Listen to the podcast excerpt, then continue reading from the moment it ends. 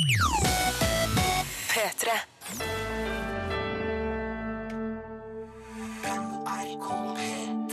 Fremmedkoselig dag på P3 og p3.no. P3. Ah. God morgen, kjære lytter. Vi skal forklare dette her ganske nøye nå, altså. Eh, først kan jeg bare si, hvis du er keen, så kan du i dag streame og se eh, alt som skjer på P3 fra akkurat nå til klokka ti i kveld på p3.no. Så gå inn dit hvis du har for eksempel en mobil enhet i handa, da. Eksempel en eh, mobiltelefon eller en En Pad? iPad. En Eller pad? en, det driver folk og går rundt med pad på buss og bane og trikk. Er ikke iPhone en slags pad? Um, jo, en den er ikke stor nok. Men en synes Dette er Markus, forresten. Hallo, Markus. Hallo, hallo. Eh, Silje Nordnes er her. Hei og god morgen. Og jeg heter Ronny, og det er veldig hyggelig å være her. I dag har vi altså en litt annerledes dag på NRK P3. Vi har kalt det for en fremmedkoselig dag, fordi vi har lyst til å rette oppmerksomhet mot og engasjere til å bli med på det engasjementet som har vokst fram rundt eh, flyktningene som kommer til eh, Norge, og som er ute i Europa akkurat nå på flukt. Det er mange, mange, mange mennesker som flykter hjemmefra, der de ikke har noe å Altså, de, de har ikke noe der. De må reise derifra. Eh, og i dag har vi rett og slett laga en dag på P3 som vil si både skal spre mye kjærleik, men som i tillegg skal informere deg og fortelle deg om hva det egentlig går ut på. Hva er denne flyktningkrisa som det prates mye om i media? Eh, hvorfor er det sånn? Hva er det som skjer egentlig? Vi skal gi deg litt innsikt, opplysning, og som Kristine Danke skrev på eh, Instagram i går, mye hjerter og kjærlighet. Ja, for vi skal jo også rette litt fokus mot alle de som eh, allerede er i gang med å hjelpe. Eh, masse forskjellige initiativ og eh, altså det er engasjement rundt omkring eh, i Norges land. Og så skal vi invitere deg med på å bry deg. Vi kan jo først starte med hvorfor vi kaller den en i dag. Det er egentlig et uttrykk som du fant på, Markus Neby. Ja, stemmer, stemmer, stemmer. Det er jo et, eh, egentlig bare en annen formulering av nestekjærlighet. Bare at det høres for religiøst ut, spør du meg. Jeg syns fremmedkoselig høres mye yngre ut, og koselig syns jeg er mer behagelig å være enn å være kjærlig med andre mennesker. Ikke sant? Det er rett og slett et nytt ord. Kan man si at det er det motsatte av fremmedfiendtlighet? Ja, Ikke sant? Det er jo litt det det spiller på. Det, det håper jeg at man kan si. Ja. Man kan si det. Ja. Eh, og så er det sånn at vi gjerne vil se Hvis du for eksempel allerede har engasjert deg i flyktningkrisa på et eller annet vis, så vil vi gjerne at du viser det fram til oss. Mm. Sånn at du også kan inspirere andre til å være med og bry seg. Og da har vi jo selvfølgelig en hashtag for dagen som er Ja, prøv å gjette. Er det fremmedkoselig? Det er Å, det var det altså. Så da kan man jo slenge ut et bilde på Instagram, eller eh, også sende oss en SMS og fortelle. Eh, Kodeord P3 til 1987, så tar vi noen runder på det utover dagen. Det blir en annerledes dag på P3 i dag. da. Ja, det gjør det, det gjør vi har rok rokert om sendeskjemaet litt. Grann. Vi skal være her fram til ti og har uh, gjester. Vi skal prate med Silje Ese, som er P3 sin reporter i Hellas. Eh, Ramona Siggen er med oss og uh, har et lite prosjekt på gang. Det skal vi få høre om en liten time. Eh, og så etter oss så kommer Kristine Danke. Og så får, hun får blant annet besøk av Flyktninghjelpens Jan Egeland i dag. Ja, det gjør hun. Eh, og får også besøk av Daniel Kvammen, som kommer og spiller live. Det synes jeg er litt stas, da. Uh, og der eh, kommer også ei som heter Sally, kommer på besøk. Hun er altså eh, Jeg vet ikke hvor gammel hun er. Hun er ikke så veldig gammel, hun er kanskje 18. rundt eh, ja, 18, da. Ja. Eh, og hun eh, har jo da flykta til Norge fra Sierra Leone, så vi skal få høre hennes historie. Og så fra klokka to så er Tuva Fellmann på, eh, og eh, hun har blant annet da, eh, den må vi gjennom også, partilederutspørring med statsminister Erna Solberg, i tillegg til at hun også selvsagt har fokus på flyktningkrisa. flyktningekrisa. Og så får du et eh, interessant eh, program fra fem i ettermiddag, der Jørn og Christer eh, sender hele veien fram til ti og oppsummerer denne dagen på NRK P3. Rikelig med innsikt, rikelig med kjærleik. Vi er i gang. Dette her er en fremmedkoselig dag på NRK P3. Vi håper du blir med, og vi håper at eh, du eh, koser deg sammen med oss. Og kanskje i dag, i likhet med oss, tror jeg, lære litt mer om flyktningkrisa i Europa. En riktig god morgen til deg, god torsdag. Det har altså blitt den 10. september. Og her i eh, P3 så har vi altså en fremmedkoselig dag i dag. Eh, og den kan du følge hele veien fram til ti i kveld. Uh, både på radio, selvfølgelig, som jo alltid her i NRK P3-systemet. Uh, men også eh, i videoform på p3.no. Så kan du se oss akkurat nå. Du kan se at Markus har prøvd seg på eh, Danse i synk. dans i synk under låta her. Mm. Hva gikk du for på bevegelsesfronten? Jeg fikk ikke med meg dette. Jeg gikk på altså, Jeg vet ikke hva man kaller det. Slags dra i eh, Det er- toghornet. Jeg vet ikke, jeg vet ikke hva jeg ville kalt det. ja. Jeg ville kalt det den evige Paradise Hotel-dansen. Er det her som Nei, nei, Paradise for Hotel, det er ass? det motsatte av Det er det motsatte Ja, av ok, For du fiskene. trekker ned istedenfor Ja. å pushe opp, Ja, ja. eh, det er en, eh, et eh, klassisk hiphop-move som Ja. Markus har valgt seg ut. Hvis du ser på streamen, kan du også si at nå er krøllene dine litt ute av kontroll, Ronny. Jeg hadde lyst til å bare si fra om det. Nei, for de, bare, de sto så rett til værs. Ja. Ja. Jeg, had, jeg, har, jeg skjønte ganske tidlig i dag at dette kom til å bli en såkalt bad hair day. Men altså, bak eh, hodetelefonene så skjuler det seg masse nydelige krøller. Altså. Eh, så Ja, Ja, så er det er bare der, ja. Bare kjør litt Jeg bare sånn. rista litt. Der, ja. rista litt. Ja. Ja, sant, Ja. og Det kan du se på din mobile enhet, eh, for eksempel. Eller på din computer, eller på din, eh, ditt fjernsyn hvis du går inn på P3N, og der ligger streamen oppe eh, nå. Um, og så vil vi høre fra deg. Eh, vi gjør, altså, eh, jeg tror jeg vil si det sånn at Vi kaller det fremmedkos i dag, eh, men det er fordi Markus ikke har lyst til å kalle det nestekjærleik. Men jeg syns det er et litt fint ord, det også. ja, det er ganske fint, det også. Ja, Um, så fortell oss gjerne om, om altså um, Vi vil gjerne høre om du har bidratt med nestekjærleik, for eksempel da til flyktningene som ankommer Norge for tida.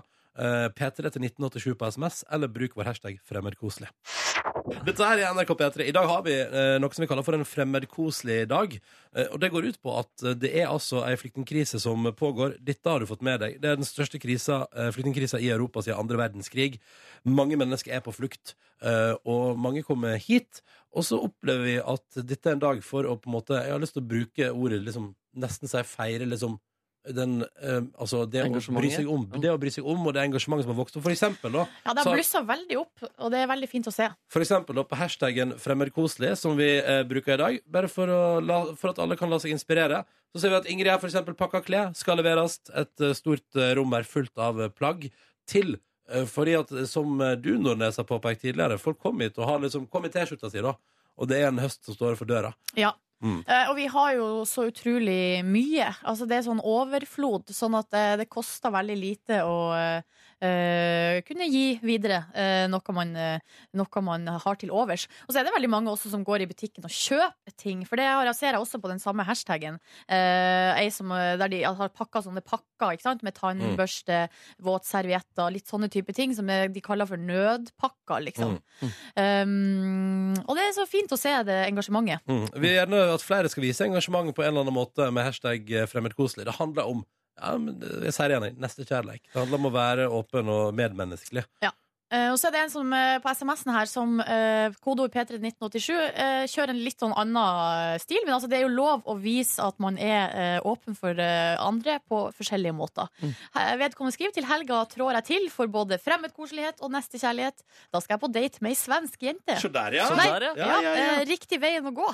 Ja, for du kunne bare sagt sånn Nei, nei, nei, partysvenske, ha det bra. Ja. Uh, men velger da å inkludere denne svensken i sitt hjerte. Og det er òg- å vise fremmed vise fremmedkoselighet. Og så er det jo en person han sannsynligvis ikke kjenner så godt. Og da er det Mm. jo også en fremmed. Og hvis han er koselig, så er det så absolutt alle kriterier for fremmedkoselighet. Det blir en nydelig dag. dette Jeg kjenner det. Det blir en nydelig fremmedkoselig dag på NRK P3. Og så skal vi selvfølgelig i tillegg informere og ja, det- lære, lære litt Ja. om flyktningkrisa i Europa som pågår eh, akkurat eh, nå. Vil du joine oss, så er det koselig. Vi streamer hele dagen på video på p3.no fram til ti i kveld. Så du kan bare dra opp videovinduet på p3.no og kose med det. Ja, der er vi på 24-7, eller altså vi er, det er jo ikke 24 Til ti, timer, ja. eh, til 10. eh, og eh, det er som en slags Big Brother, fordi du kan se på oss mens det går, er musikk. Jeg, faller, jeg gruer meg til de skal følge meg inn i dusjen. Når jeg skal dusje inn i studio her og sånn. Ja, for det skal du etterpå. Ja, ja, ja. Neida. Eh, Men heng på P3.no, og som sagt, vis oss gjerne ditt engasjement og din medmenneskelighet med hashtag fremmedkoselig på sosiale medier. P3. P3. Håper du har en fin torsdag 10. september. Vi arrangerer fremmedkoselig dag på NRK P3. Og sånn sett burde jo kanskje ikke Taylor Swift sin Bad Blood fått adgang her i dag. eh, fordi den handler om at eh, vi, det, var veldig, det var Mad Love når det er Bad Blood. Ja. Og de sier jo at den er skrevet til hun um, Katy Perry. Å ja, for at eh, Her har vært noe beef.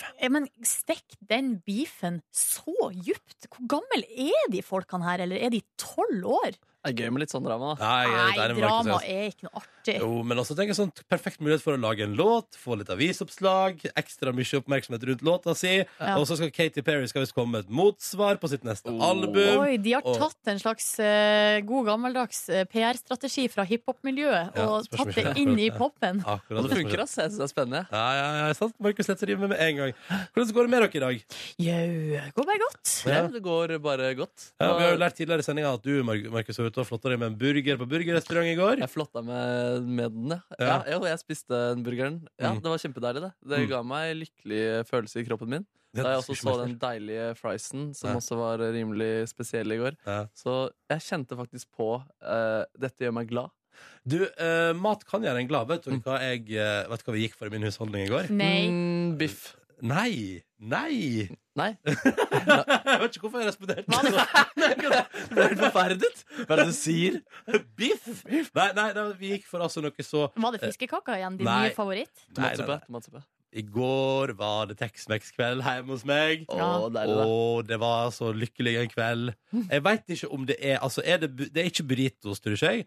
Men er det enchiladas, empanadas? Altså, hva er det? Det var iallfall uh, kjøttdeig, bønner og eh, grønnsaker stappa inn i ei lefse, Ja. som så var rulla rundt og pakka sammen. Og så var det i ildfast form med ost og salsa Ah, på. det Ja, det ligna på burritos, men det burde vært noe ris inni for, da, for å, at det skulle bli fullkomment. Risen. Var risen som Men hva er det da? Jeg vet ikke, men altså, er det så nøye, da? Nei. Sparer deg for litt karbohydrater. Det kan jo Må være vi, greit, det. sette, må vi sette folk i bås, eller må vi sette eh, tort- lefser og kjøtt i bås? Lefser og kjøtt syns jeg vi må ha i bås. Ass. Ja, det det- synes jeg er veldig Det deilig. å forholde seg crazy, til. crazy stemning. Ja. Eh, men iallfall, det ble lefser og kjøtt og grønnsaker i går. Guacamole var det til også. Nei, guri land. Ja, ja, jeg hadde en helt kongekveld der. ass Ja, ser. Tex-Mex, sant? Og da, da var akkurat som med deg, Markus, ble jeg lykkelig av det. Ja, det var deilig. ass det var Mm. deilig. Hva med deg, Nordnes? Jeg var lykkelig sjøl. Jeg spiste laks eh, med noe couscous-salat. Oi. Hvorfor flirer du når jeg Jeg sier vet at ikke, jeg det var spiste bare laks? noe med at Vi har spist burger, eh, Tex-Mex, og så sa du laks så eh, bastant og hardt. Virka det som at jeg prøver å, å skryte, liksom? At jeg er Nei, jeg vet bedre ikke. enn Det var- dere? Eh, Kanskje, eller i hvert fall kontrasten ble i hvert fall veldig tydelig. da Ja. Ja. Men hun er jo bedre enn oss, Markus. På alle mulige måter. Ja, på Nei, eller, alle mulige ja, måter. men på veldig mange måter. Ikke bedre på gitar. Ikke på gitar, for eksempel. Nei. Men på alle andre mulige måter. Dette er P3 Morgen. La oss gjerne høre fra deg der ute også. Koder P3 nummeret 1987. Og så er det jo fremmedkoselig i dag. Vis oss ditt engasjement med hashtag fremmedkoselig på sosiale medier. Ja, Riktig god morgen, ti minutter på sju. Dette her var Walk of Quobs på NRK P3. Vi spilte jo egentlig The Killers her i stad. Um, Ja, men vi har hatt en situasjon, eller eh, det, det var jeg som eh, Det var jeg som, eh, som dreit meg ut. Og hvis du som skriver, skriver 'brenn' på uh, SMS-innboksen Hvis det var til meg, uh, som en slags uh, Eller hvis du blir sur for at The Killers forsvant, så er det meg du må ta det ut over. hva var det du drev med, da? Nei, for plutselig så satt jeg her og leste avisene, og så var, plutselig så var det stille her, og da trodde jeg at, det, at det hadde skjedd noe feil. Og da trykket jeg på en knapp, for da tenkte jeg skulle sette på en sang, men det som skjedde da, var at jeg heller skrudde av en sang. Du kan, vel- nå, men jeg synes da kan du få lov til å vurdere Skal vi prøve å spille den på nytt, eller skal vi det holdt med 40 sekunder? Um, Hva syns du? eh, nei, vi kan jo prøve å spille den på nytt, Skal vi spille den på nytt etterpå? Ja. Ja, Først har vi titt på avisforsidene i dag. Um, hovedsaka til alle avisene i dag er jo, eh, som vi hørte i går kveld, en nordmann er altså tatt til fange og tatt som gissel av IS, og har vært det i åtte måneder. Eh, statsministeren og co. har prøvd å løse dette her lenge. I går fant tydeligvis da uh, IS ut at ja, ok, så det er litt vanskelig å jobbe med Norge, da får vi bare si ifra på internett at vi har han, da. eh, sånn at alle får det med seg. Eh, og som Erna Solberg sa på pressekonferanse i går, Norge betaler ikke løsepenger. Eh, det er uaktuelt å forhandle med terrorister. Eh, og så får vi håpe at situasjonen går an å løse på et eller annet vis. Mer om dette får du i P3 Nyheter om en åtte minutters eh, tid. Mm. Andre ting på forsida av avisen i dag. Eh, vi, tar, vi tar det hjem igjen til eh, her i Norge akkurat nå. Aftenposten har gjennomført en måling i hovedstaden. og prøvde prøvd å finne ut hvem er det som ligger an til å vinne dette valget. Da? Og da er det altså et stort bilde av en meget bekymra Carl I. Hagen på forsida her. Ja. Han ser mildt sagt bekymra ut. Og det er jo fordi at uh, Carl Hagen skulle nå tre inn og tenke sånn Nå skal jeg bli ordfører, jeg kommer til å naile dette her. Hvis jeg går inn som ordførerkandidat for Frp i Oslo, kommer alle til å ville ha meg. Det han har gjort, er at han har, har halvert partiet. da Uh, og de er nede på 6,8% Tre prosentpoeng bak da, Miljøpartiet De Grønne, Ja. som jo fram til nylig var regna som et ganske lite parti. Da har det vel ikke gått helt etter planen, men det er jo noen dager igjen, da. Ja. Carl I. Hagen kan gjøre en kjempeinnsats både i dag, i morgen og lørdag og søndag. Ja. Og så plutselig vet du, så går dette kjempebra, det. Ja da, det, vi får se. Vi får se på uh, mandag når resultatet kommer. Dagbladet, de uh, Her er Siv Jensen. Det er bare å skyte inn en ting. ting. ja. All, uansett hva, hva, husk å stemme på mandag. Husk å stemme. Ja, Bruk det er veldig viktig. Jeg stemte faktisk i går, jeg. Gjorde du det? eh, type forhåndsstemme, og det var null kø. Det var helt genialt. Jeg Ja. følte meg så lur når jeg gjorde det. Du var lur. Du var lur. Um, og det går an å forhåndsstemme både i dag og i morgen også, hvis man uh, vil det. På Dagbladet der er uh, Siv Jensen uh, med, men jeg har lyst til å ta for meg en sak der det står 'Dette påvirker din vekt'. Eh, og her har de tatt tak i noen myter da, og si om det er en myte eller om det er fakta. For eksempel, jeg veier mer fordi jeg har tung beinbygning. Det er en myte. Er det en myte? Stempler de det med her. Eh, noen blir fortere trent og får mer muskler. Fakta. Ja. Og det, eh, det syns jeg er litt fint, da, for da kan jeg trøste meg med at det er en grunn. Du har grunn. ikke anlegg for de musklene? Jeg Ja. har ikke anlegg. Å, tenk å ha anlegg for muskler, da, Siri. Det var vært utrolig kult. Og gratulerer til alle der ute som har det. Ja, men du Vi- har, du har jo det. Hæ? Ja, vet du hva, det har du. Du, eh, Husker du ikke når du skulle ta 100 i benken? Ja. Det var ikke så vanskelig for deg å komme deg dit. Nei, men det var innsats da. Ja, det var innsats, men jeg, tror du jeg hadde klart det? Ja, ja, ja. ja. På sikt! Måtte På jobbe hardt, sikt. tror da. Ja, ja, Nå har jeg ja. jobba hele mitt liv for å klare å ta hangups, og det går fortsatt ikke. Men i høst skjer det. I høst skjer det noe Kanskje Ja, før jul. Kanskje med. før jul. Følg med. Eh, Og så eh, tar jeg en myte til. da Kvinner har vanskeligere for å slanke seg enn menn. Det er en myte. Ja, det kunne jeg gjetta. Det kunne jeg gjetta. Ja. Det er vel like vanskelig for alle å slanke seg, tenker jeg. Er det ikke det? Jo, det tror jeg det er. Mm. Det er bare at eh, noen er mer viljestyrke enn andre. Det stemmer. Mm. Dette var en kjapp titt på avisforsidene. Straks nyheter på NRK P3 med Sverre Lilleng. Aller først nå, da, så prøver vi på nytt. Er du klar? Ja, nå prøver vi The Killers Ja. igjen, og jeg lover at jeg ikke Bare- skal eh, Du bare sitter der du sitter nå. Jeg skal ikke Langt røre- unna all teknikk. Ingen knapper skal jeg røre. I dag er det en litt annerledes dag på NRK P3. Vi kaller det vår fremmedkoselige dag. Og det handler om medmenneskelighet. Det handler om den enorme flyktningkrisa som pågår akkurat nå. Og eh, vi vil på en måte i dag hylle det engasjementet eh, Norge viser akkurat nå for tida. Vi syns det er nydelig. Um, så det blir en litt spesiell dag. Vi kan jo nevne blant annet at vi uh, får besøk av Hege Moe Eriksen, som har et utvida Urix på NRK1 i kveld. Og som er tilbake igjen fra en tur hun var i både mm, eh, Libanon og i Tyrkia for bare noen for rett og slett forrige uke. Og har eh, fått fortelle litt om hvordan det var å være der. Rett og slett opplyse oss litt om eh, hva det er som eh, foregår på, en måte på andre sida av, Mm. eh, av TV-bildene som vi har sett alle sammen. Mm. Vi skal også prate med P3s egen reporter Silje Es, som er i Hellas. Og Ramona Siggen driver og steller i stand noen greier ute i Oslo sentrum akkurat nå. Vi skal prate med deg om ikke så altfor lenge. Men først konkurranse. Det må vi jo ha, sjølsagt, på en dag som denne også. Ja da, ja da, ja da. Kan du nevne at du kan se alt som skjer på P3 i dag på p3.no fram til ti i kveld. Akkurat nå så kan du både se og høre Eller du kan høre Nora, uansett eh, om du er på nett eller på radio. Hallo, Nora! God morgen. God morgen. morgen! Da skal vi til Oslo. Så du er 22 år og jusstudent. Ja, det er riktig. Ja, Hvor krevende er dette jusstudiet, egentlig? Mm, litt krevende. Det er litt krevende, ja. ja.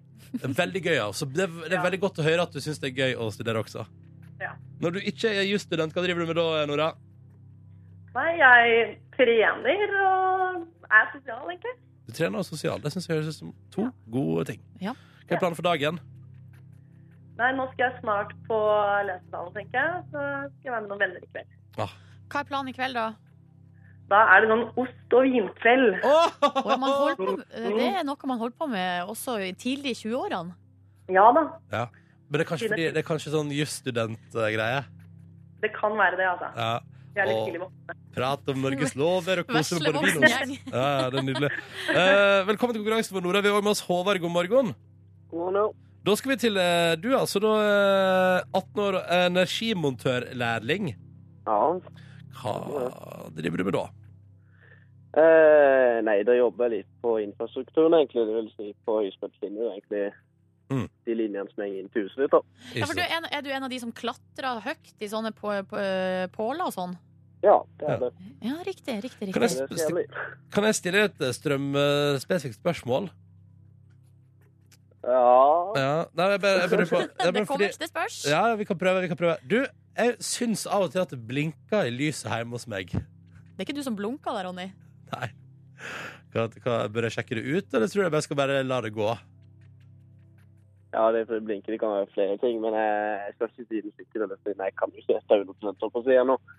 Jeg er ganske fersk i yrket nå. Ja, riktig. Kan jeg da spørre deg, eh, når var du sist på ost- og vinkveld? det er ikke jeg vært på ennå. Jeg vet Nei. no- Jeg venter på at noen skal invitere meg, så. Ja, Ja, ja, ok, Da vet eh, alle hva de skal gjøre. Bare Ja. å invitere. Jeg skulle si alle vennene til Håvard som hører på nå, han lengter etter en ost og vinkveld. Det er bare å få det i gang. Og kanskje han kan ta med ei helt ny morgenkåpe også. Ja. Ikke gå på ost og vinkveld i morgenkåpe. Det syns jeg ikke man må Syns du gjøre. ikke, er ikke det innafor, Nora? Ja, jeg vet ikke helt, altså. Nei, Nei. Nei, nei, nei. Nei. Stopp det nå. Hovedstad spesial i konkurransen vår i dag. Det betyr at dere skal fortelle meg hva som er hovedstaden i et spesifikt land. Og vi begynner med deg, Nora. Hva er hovedst... Hæ? Nei, jeg er klar, jeg. Du er klar, du? Hva er hovedstaden i Sveits, da? Og, eh, Og googles det. Driver jusstudenten med googling?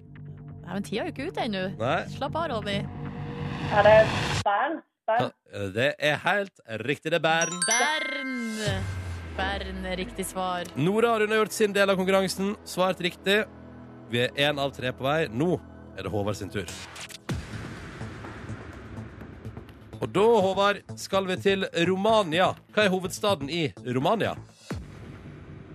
Eh, sier det. Ja, si det. Mm.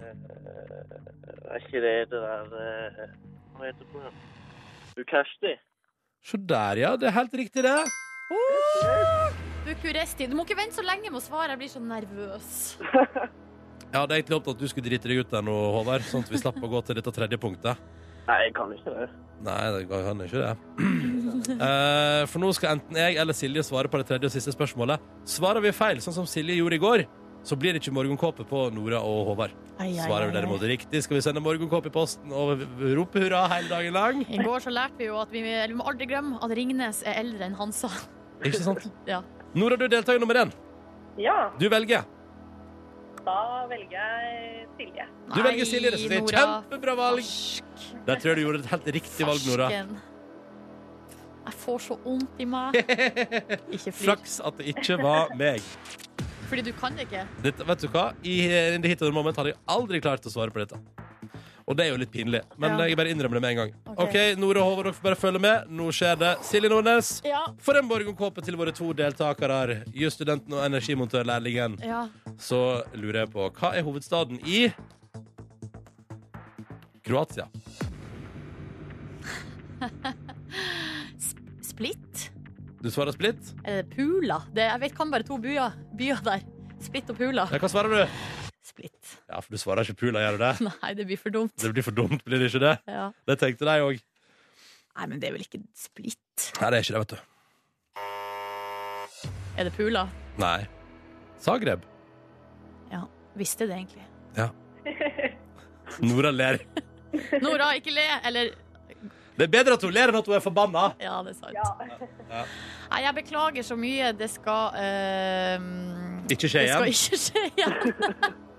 Det får vi se på. Kjære overlord, det betyr dessverre at det stopper der. Tusen takk for deltakelsen til dere begge to. Måtte dere få en nydelig torsdag. Og husk å være fremmedkoselig med alle dere møter, da. Ja, Ja, Ja. bra. Ha det bra. Ha ha det bra. Ha det! Zagreb. jeg må puste, altså. Zagreb. Ja, Zagreb. Zagreb. Du, pust i vei. Du skal få noen minutter å puste på nå. Ja. Kommer deg over nederlaget. Men så må vi prøve på nytt eh, i morgen, og da må vi ha nye deltakere, og folk må ringe og melde seg på. P3.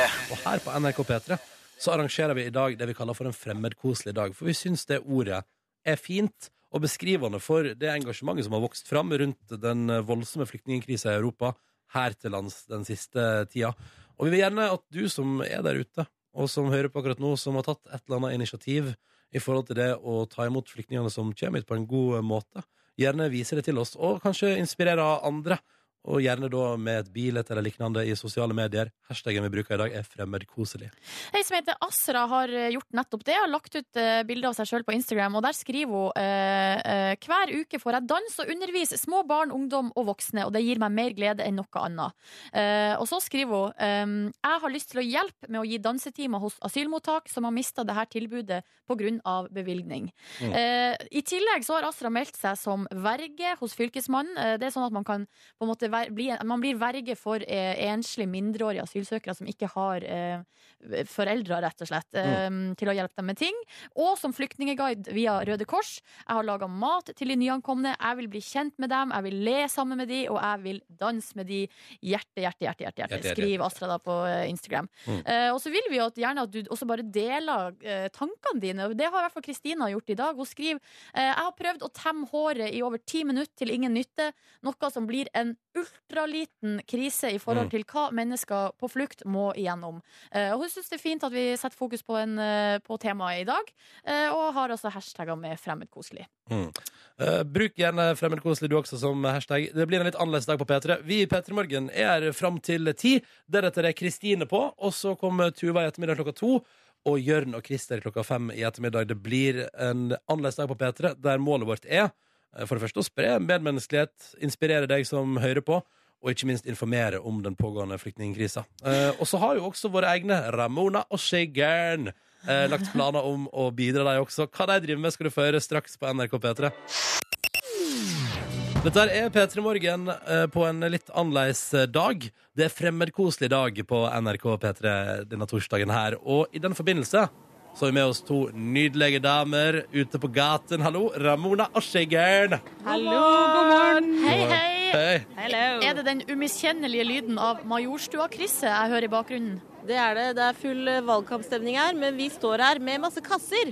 OK, hvorfor Ramona og Siggen har dere masse kasser? Vi har masse kasser som vi har lyst til å samle inn eh, litt ting til Refugees Welcome to Norway. Eh, Så vi senere i dag så skal vi levere litt jakker og bukser og forskjellige ting eh, som trengs for flyktningene som kommer til Oslo. Ja, fordi øh, folk har vært Altså, det har blitt mobilisert noe helt enormt i Norge den siste tida, så dere har fått en ganske sånn spesifikk liste over ting øh, som fortsatt trengs. Ja, for dette er det de, ak de trenger akkurat nå. Vil du høre lista, rett og slett? Ja. takk. Det er boblejakke eller dunjakker for menn. Medium small. Boblekåper for damer. Joggebukse for menn. Hettejakke, collegegenser for menn. Nye, fine joggesko. Eventuelt deodoranter, sports-BH, såpebobler eller kortstokker. Å ja. Ah, ja, OK. ja. Så vårt håp er at noen skal kle av seg her i Majorstua-krysset. og Bare gi seg klærne Ja. du, klærne du har på, fordi det er garantert masse ting du ikke trenger. Mm. Bare gi det til oss i stedet. Ikke sant? Altså rett og slett en slags kall det en stripping for en god sak, da. På, Absolutt. I Majorstua-krysset i dag. Så dere skal få folk til å donere vekk eh, f.eks. hettegenseren de har på seg i dag. Ja, og så håper vi at hvis noen hører på akkurat nå, er på vei til jobb, og tilfeldigvis skal forbi Majorstukrysset, eller bare kommer ens ærend, så bare stikk innom en sjappe og kjøp noen nøytrale deodoranter, f.eks. Ja. Det står en eh, ganske en liten lav eh, jente, veldig veldig søt, og så står det en litt høyere dame med pannelugg og briller og lue. Eh, Det er altså oss. Så kom innom, og vi gir klemmer, selvfølgelig. Åh. Ja, ja, ok, Dere er klar for det eh, på denne kos fremmedkoselige dagen? Ja, vi er klar for å gi litt kjærlighet, og håper noen kanskje kommer og gir oss litt kjærlighet. Og ja, vi vil at alt skal være kjærlighet, vi. Ja, Bjud det, deg på! dette her er jo definisjonen av hashtag fremmedkoselig. Oh, yes. Um, Ramona og Siggen, det er bra dere har stasjonert dere og er klare. Vi kommer tilbake til dere litt senere i sendinga. Kos dere så mye da.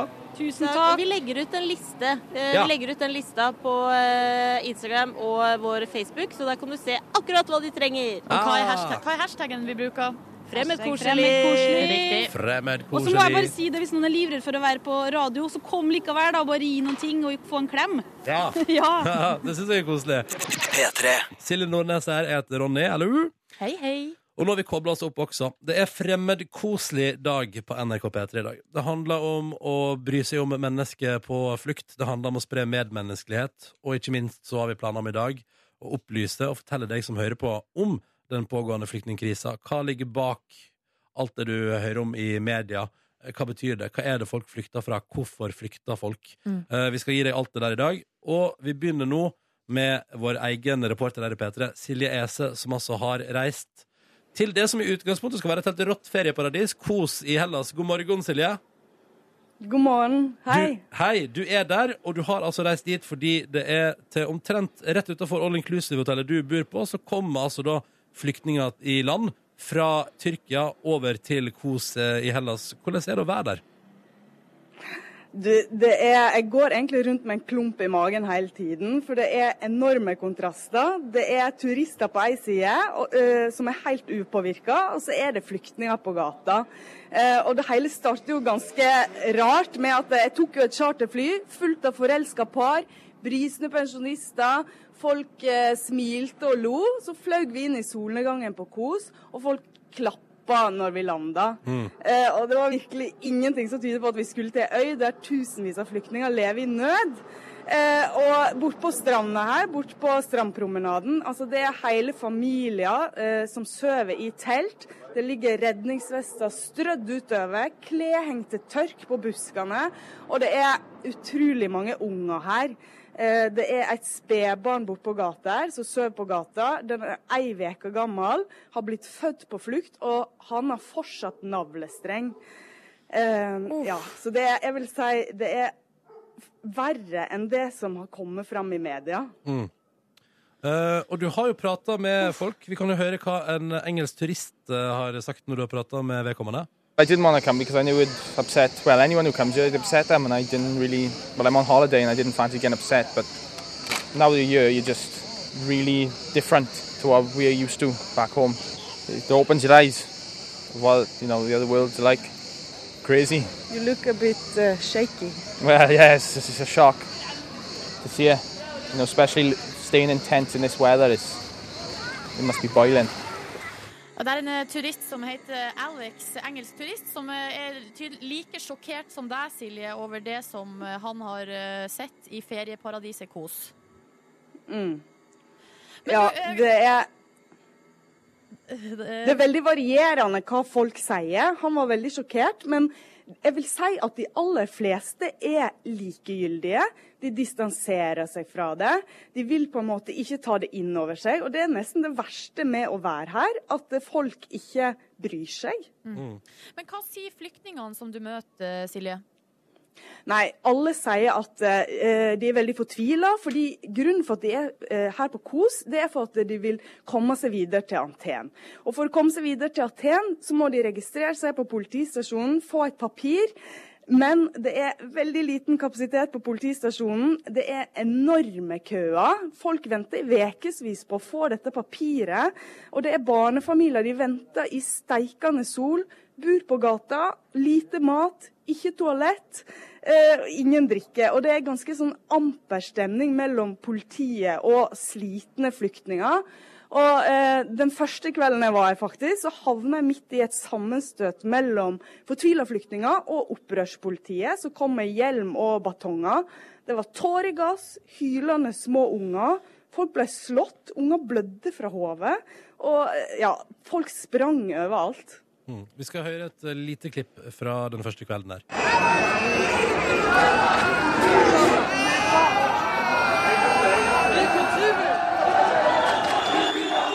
Nå er det masse slåssing her utenfor politistasjonen.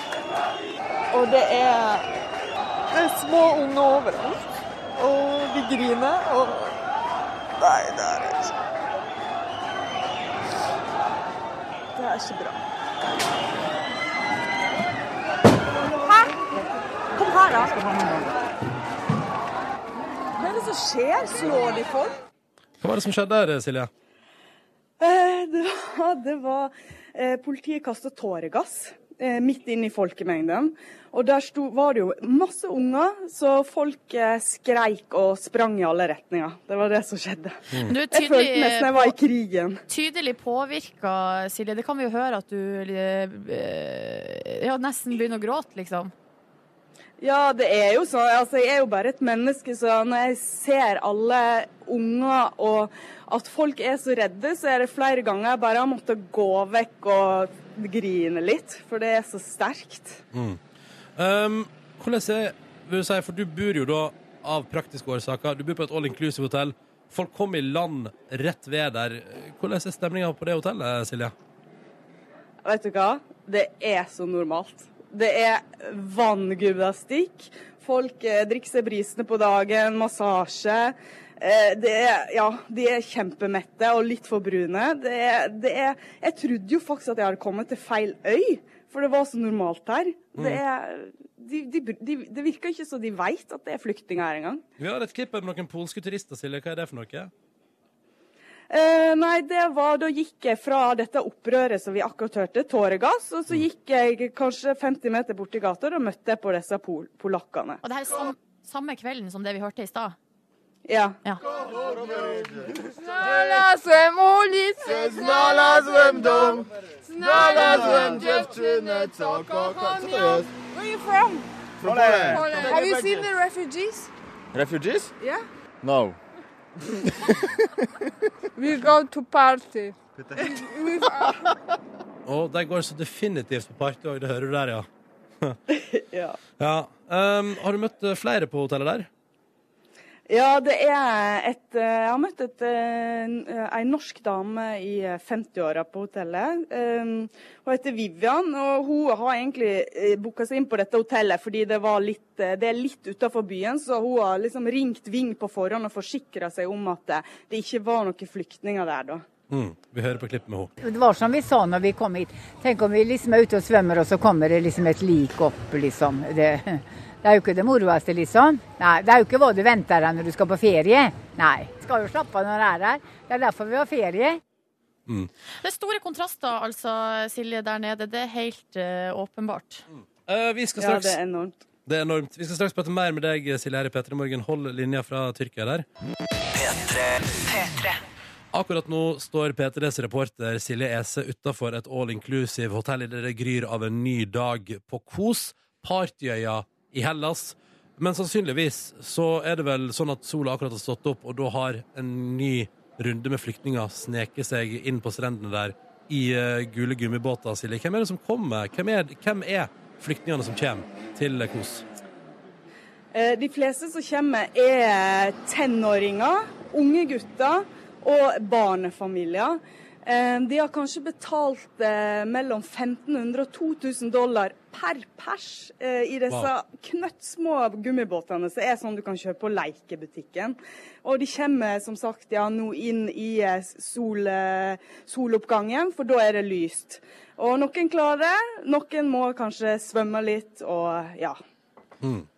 Um, Silje, hva er det, fortell litt om hva som skjer på strendene der når eh, folk kommer i land. Eh, når folk kommer i land, eh, så prøver jo disse få lokale hjelpeorganisasjonene prøver jo å springe dit som eh, disse flyktningbåtene kommer inn, og gi dem vann. Men kanskje de som kommer først fram til båtene, er lokale folk eh, som er ute etter båtmotorene til eh, disse plastbåtene. Så det er altså det er journalister på strendene, det er noen eh, hjelpeorganisasjoner som skal gi dem vann, men det er aller flest eh, lokale med lommelykter og kikkerter som er ute etter å stjele båtmotorer. Hvordan er det ellers eh, der på strandpromenaden, der du forteller at folk eh, ligger og sover i telt, og ungene ligger og sover rett på, på bakken? Hvordan hjelp får de? Eh, Det er jo eh, Turistene gir jo litt vann og litt kjeks når de går forbi. Eh, Veldig mange prøver bare å komme seg fortest mulig forbi disse teltene. Kanskje de sykler, må plinge litt på sykkelen for å komme seg forbi. Ellers så er det jo en hel rekke med kafé og restauranter på andre sida av veien for telta. Så det er jo, folk sitter jo på kafeene, eter pizzaen sin, drikker mytosen sin, ser ned på telta og ut på sjøen. Det, det er ganske kvalmende, rett og slett. Silje, du har eh, vært der som reporter for NRK P3 ei bitte lita uke nå. Eh, og vi må jo spørre, altså, hvordan er det for deg å være journalist og til stades og midt oppi hele dette her? Eh, vet du hva, Det kjennes egentlig veldig bra, fordi eh, flyktningene er veldig glad for at jeg er her. Eh, og kommer og prater med dem og får fram deres historier. Og at det, det er noen som kommer og spør hvordan de har det. Så de takker meg. Eh, og jeg håper jo sjøl at jeg kan bidra med å vise hvordan ting egentlig er. Men eh, jeg må jo si at det er jo ganske heavy eh, med alle småungene. Det er, de er i en ganske håpløs situasjon, og dette her er jo bare starten på reisa deres. Og jeg ser jo at i løpet av folk som jeg møtte for ei uke siden når jeg kom, eh, som var glade og Ja, de, jeg ser jo i løpet av ei uke hvor slitne de har blitt, hvor oppgitte de har blitt. Og så har de så lang vei igjen til Tyskland, der de aller fleste har lyst til å reise. da. Eh, Silje, du skal fortsette å oppdatere utover dagen her på NRK P3 fra Kos. Tusen takk for praten. Takk for meg. Og så er det bare å følge med videre utover dagen her på NRK P3. Det er fremmedkoselig dag. Vi viser medmenneskelighet. Vi bryr oss om mennesker på flukt. Fortell hvordan du bryr deg. Hashtag fremmedkoselig på ditt favorittsosiale medie. God morgen, kjære lytter. det er torsdag. Det er den 10. september 2015. P3 er litt annerledes i dag. Vi kaller det for fremmedkoselig dag. Og målet vårt er å engasjere deg som hører på, eh, informere deg om den pågående flyktningkrisa i Europa. 250 mennesker har så langt i år tatt seg over Middelhavet på jakt etter noe annet enn krig og elendighet. Eh, og det setter vi fokus på i dag. Og så vil jeg gjerne hylle det store engasjementet som eh, er der ute i Norge, Oh, og, yes! eh, og sette litt fokus på hvor flott det er. Vi har fått melding fra, på Facebook fra ei som heter Anita, som Hei, skriver Anita! Hoppla, jeg reiser i dag opp til Oppaker gård med bilen full av klær til flyktningene som er der. Det føles godt å gjøre noe, selv om det er så lite. Ha en fin dag. Så nydelig melding. Og kan jeg da bare si at inne på p3.no så har vi òg laga ei liste, fordi vi har blant annet fått en SMS som spør kan jeg gi noe når jeg bor i Hordaland. Ja, det kan du. Eh, Og på, inne på p3.no så er det en sånn sak som heter Slik kan du hjelpe, der vi har lista opp alt som er mulig å bidra med. Ja, så da kan jo du, eh, Marius på 19 i Bodø også, som må spørre hvor kan jeg har noe, eh, jeg har noe eske med, med klær som jeg har lyst til å gi. Hvor kan jeg gi? Gå inn der på p3.no og sjekk ut uh, din lokale uh, Mulighet. mulighet. Mm. Uh, en litt annerledes dag. Vi i P3 Morgen er fram til ti. Da tar Kristine over med venner, må det jo være lov å si. Mange folk fra kanalen her som kommer innom i løpet av dagen. Og så er Tuva på plass fra to. Ruben kommer innom, og så er Jørn og Christer der fra fem til ti i kveld. Og hele den tida, fram til ti i kveld, så er vi live på video på p3.no, og selvfølgelig i radioen din her på P3. Det er hyggelig at du joiner oss i dag, og fortsett å fortelle om engasjementet der ute, for det syns vi er så inspirerende og rørende og fint å høre om. Hashtaggen vi bruker for dagen er fremmedkoselig. Ja, det stemmer. Det motsatte av fremmedfiendtlig. Vi syns det var litt fint i dag, vi. Klokka den er sju minutter over åtte. God Oi sann, går det bra der, Silje? Det går fint. Jeg Holdt du på å velte bare kaffekoppen din? uh, dulta borti den, og Ja. det hadde gått fint uansett, fordi den er tom. Den er tom. Det betyr påfyll eh, snart. Riktig god morgen, du der ute. Det er fremmedkoselig dag på NRK P3. Hvorfor har vi det, Silje Nordnes? Det er fordi at vi ønsker å sette fokus på uh, den største fly, eh, flyktningkrisa verden har sett siden andre verdenskrig. Uh, vi snakker om det som foregår nå uh, i Syria, eh, i landene rundt, eh, og eh, Middelhavet og oppover Europa. Så dette berører eh, ekstremt mange mennesker, og vi har lyst til å sette fokus på det. Vi har lyst til å opplyse om hva som skjer, Mhm. og vi har lyst til å eh, eh, prøve å eh, Hva skal jeg si? Eh, Inspirere litt. Inspirere og og engasjere. Mm. For det er, jeg mener jo eh, sånn rent personlig at ofte kan, når eh, store kriser oppstår, når eh, man er i en situasjon som det her, så er det veldig lett å velge minste motstands vei og prøve å ikke bry Altså stenge det ute, da, fordi det er jo vondt og jævlig alt sammen. Så Ja. det er liksom lett å si Men i dag tenker jeg, Petra, nå skal vi gi deg info, opplyse deg, fortelle hva det er som egentlig foregår i Europa nå, og hvorfor dette har blitt en så stor sak. Og så har sånn- vi jo Ja, nei, unnskyld. Nei, skal jeg si at uh, så er vi litt opptatt av at, uh, at eh, det, er, altså det, er så, det engasjementet som har oppstått nå, er jo helt sånn fantastisk. Og det er så fint å se den rausheten som så mange mennesker har. Og så er det ekstremt viktig å huske på uh, at det er fantastisk å hjelpe til i den krise, den nødsituasjonen som foregår mm. nå. Men at vi må også huske på at eh, de, de, de, det her er jo livene til folk. De som kommer kommer til Norge, skal jo da bo her Mm. eh, i mange år. I hvert, hvert fall de som får opphold. Eh, og de må vi prøve å møte eh, og ønske velkommen, eh, sånn at eh, man, vi kan ha det bra i lag, rett og slett. Det høres jo litt, eh, det er sånn litt naivt, men det er jo rett, det, det er den eneste måten vi kan gjøre det på Ja. for at det skal bli bra. Medmenneskeligheten lenge leve. Ja. Derfor har vi valgt oss Fremmedkoselig dag som navn på den dagen her. Nettopp. Enkelt Ja, og greit. Og straks så skal vi gå litt nærmere inn i dette med fremmedkoselighet. Fordi det er jo et uh, uttrykk som Markus kom med for en stund tilbake. Ja. eh, da det var snakk om, eh, det var snakk om mye fremmedfiendtlighet. Han valgte å snu på det. Uh, og han er rett og slett ute i fremmedkoselighetens navn. Straks så skal vi koble opp til han og høre hvor det går der ute på gata. Han har blitt den fremmedkoselige feen, Er som han vakkert, da? kaller seg sjøl. Det er vakkert, jeg. Ja. Og mannen bak uttrykket fremmedkoselighet, det er deg det, Markus? Det stemmer, det stemmer. Ja? Ja, ja, ja, det det- jeg lette etter ordet nestekjærlighet, fant ikke det. Eh, Fremmedkoselig dukket opp. Mm. Og eh, i dag har jeg få, er jeg en liten fremmedkoselig fe som skal spre fremmedkoselighet eh, rundt omkring med litt fremmedkoselig tryllestøv. Bekjempe Satan, bekjempe fremmedfiendtlighet. Så jeg har en liten jingle som markerer min ankomst. Da hører vi på den. P3. Markus, den fremmedkoselige feen.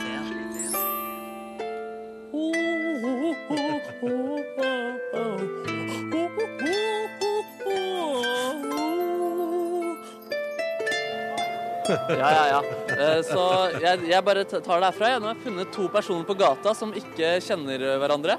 Og de skal vi få til å gi hverandre noen koselige komplimenter. Noen fremmede skal altså hilse. Men jeg må hilse på dem først. Hva er det du heter? Elise. Kom litt nærmere. der. Elise heter jeg. Kan du bare fortelle litt om deg selv? Ja, jeg er 20 år, jeg studerer sykepleie. Oi, eh, du er opptatt av glad i mennesker og sånne type ting? eller? Ja, veldig. Hva med fritiden din? Hva liker du å gjøre da? Da liker jeg å drive med idrett og bare være med venner, egentlig. Hva gjør du med venner? Bare finne på ulike ting, er hjemme, slapper av. Chiller? Ja, chiller. Fader, jeg digger å chille sjøl, ass. Og så har vi en til her. Hva er det du heter? Heidi heter jeg. Heidi, Kan du fortelle litt om deg selv? Ja, jeg studerer juss på siste året, og så driver jeg massevis med politikk. Å, fy fader. Ja. Du er engasjert nå om dagen, da. Veldig engasjert nå om dagen, og det er snart valg. For, du får ikke betalt for å gjøre politikk, eller gjør man det? Ikke en dritt. Ikke en dritt? Nei. Hva, hva, med, hva med på fritida? Eh, da driver jeg også med politikk. Det er liksom det, det Vi har jo ikke noe liv, vi politikere. Vi har jo Politikerlivet går også over i fritiden. Så eh, Vil du si at du slapper av når du driver med politikk? Ja. Det, delvis. Man må jo slappe av litt også, men jeg kan også ligge på sofaen. Ja, Jeg nemlig. Jeg får ikke si det, til noen. greit. Men det er godt å høre. Dere har på dere ganske lik genser i Ja, dag. vi har, vi har eh, snakka sammen. Ja, Dere har snakka sammen, ja. Ja, Det er veldig bra. Så nå skal dere få en lapp hver, en gul lapp og en penn. Så skal dere skrive tre komplimenter til eh, hverandre. Og så skal vi få høre de, eh, de komplimentene etterpå. Så da setter jeg tilbake til dere der hjemme, holdt jeg på å si. Og så skal det bli god stemning her ute snart. Nå- Jeg gleder meg til å høre disse to fremmede jentenes kompliment til hverandre.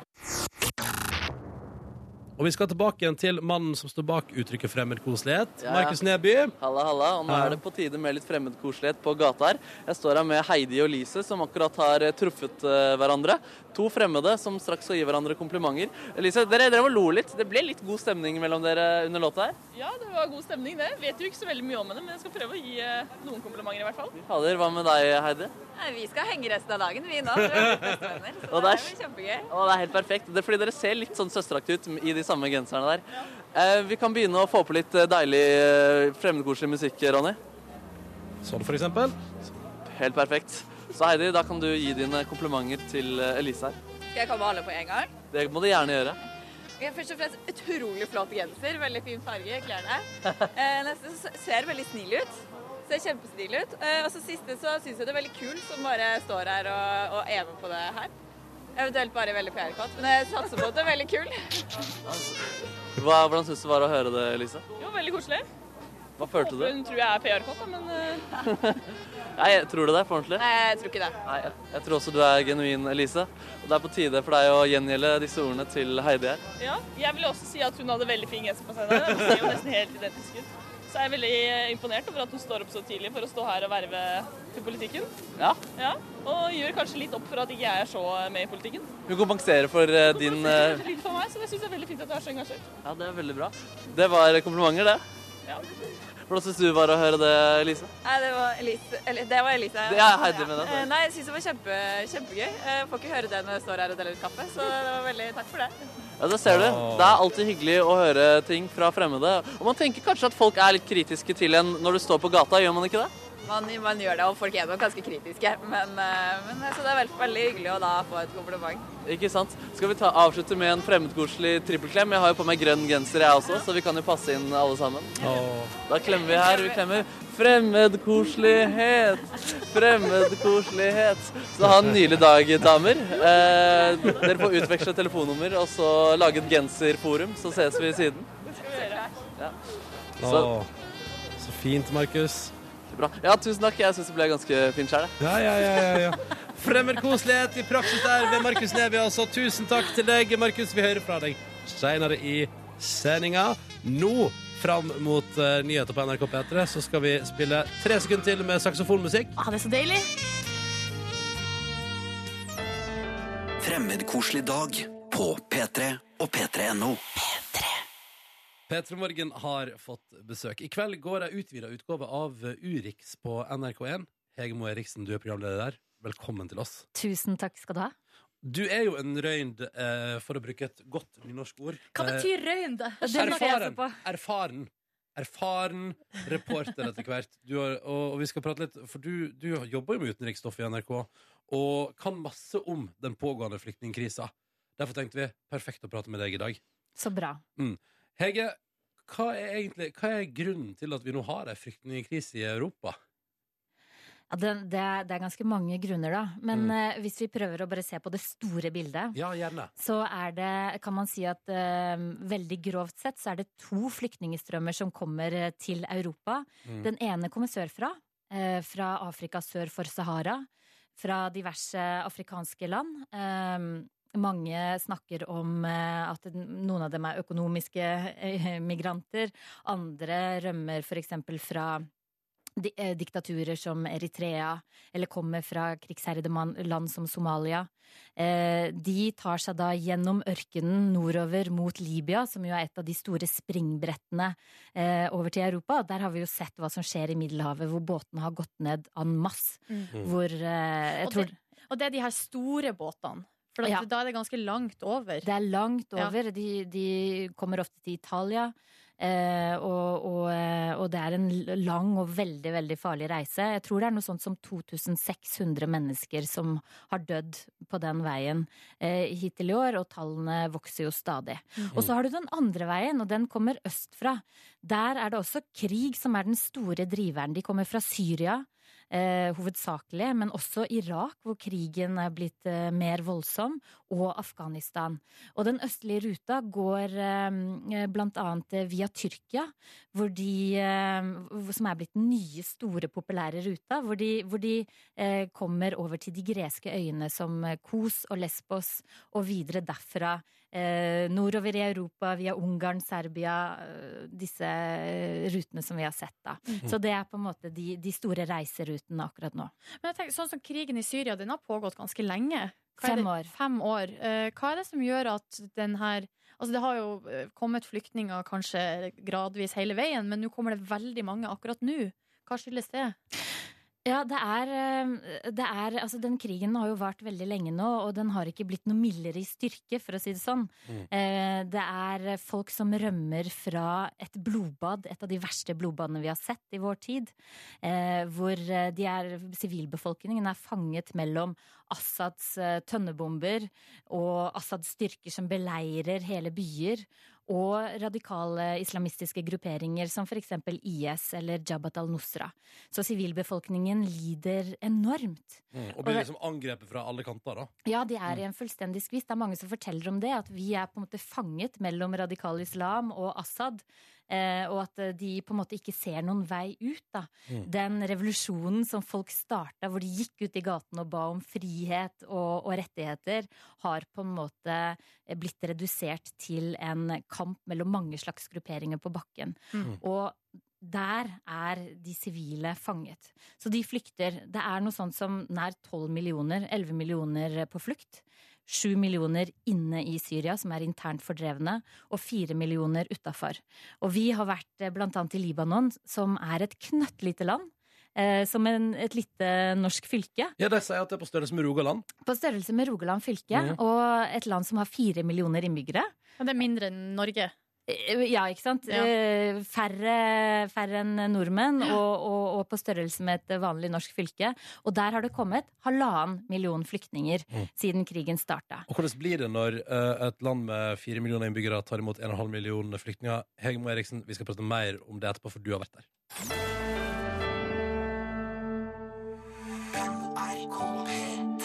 Fremmedkoselig dag på P3 og p3.no. P3. Hege Moe Eriksen er på besøk i P3 Morgen i dag. I kveld kan vi se deg i en utvida Urix-spesial på NRK1 fra halv ti. Eh, og du er en erfaren utenriksreporter i NRK. Du har nylig vært i Libanon og i Tyrkia og møtt de folka som nå er på flukt, og som kommer dit. Og hvordan er det? Jeg spurte jo før låta her Uh, at vi gjerne hører mer om hvordan det er i et land som Libanon, da, som har fire millioner innbyggere, å få plutselig en og en halv million flyktninger inn i landet. Hvordan, hvordan var det å være der? Det, jeg må si at eh, Jeg har reist veldig mye, men jeg syns at det å være i Libanon og Tyrkia og veldig tett på den flyktningkrisa som vi ser nå, det var veldig spesielt. I Libanon så er det ikke mer plass. Det er et land som har Altså sånn, det er rett og slett det er ikke fullt. plass. Ja. Det er fullt. Ja.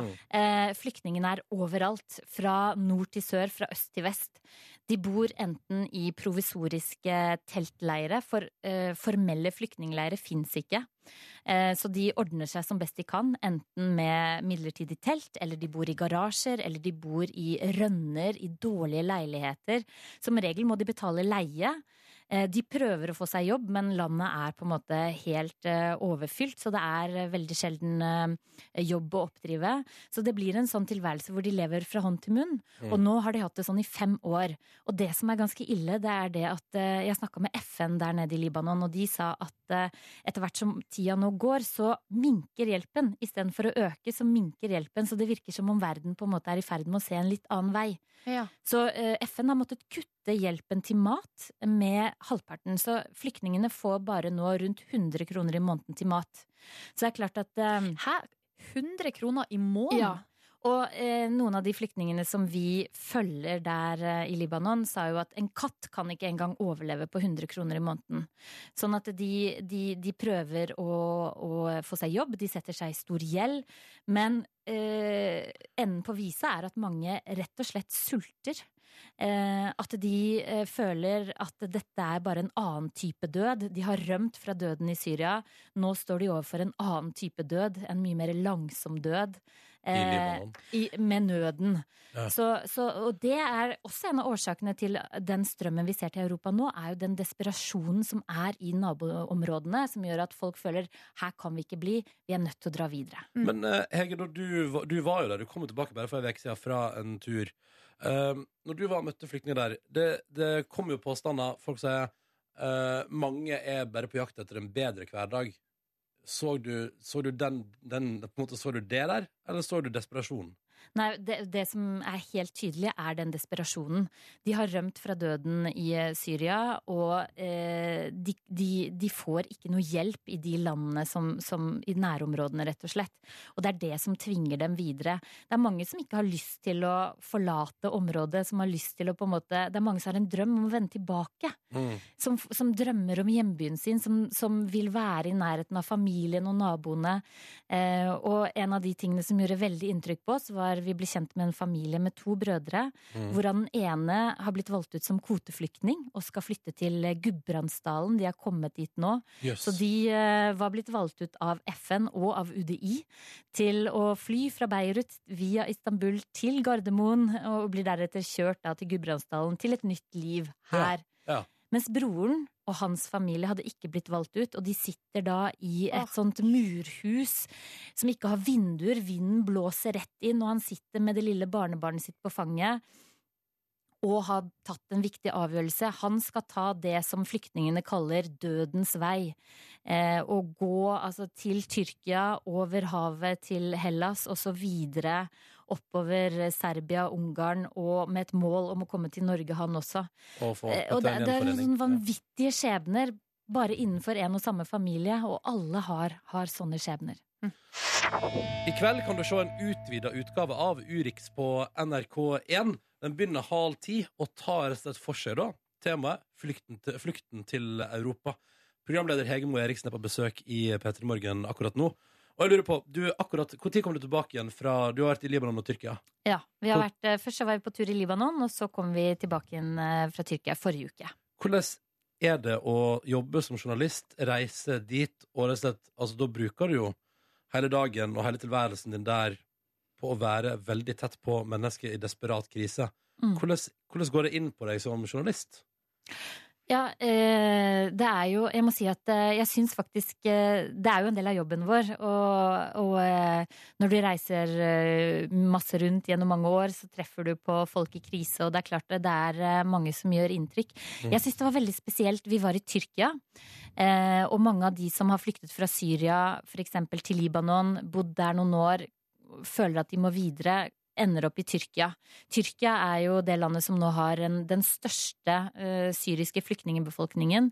Det er opp mot to millioner flyktninger som er i Tyrkia. Og vi var i en idyllisk ferieby som heter Izmir, som ligger øst i Tyrkia.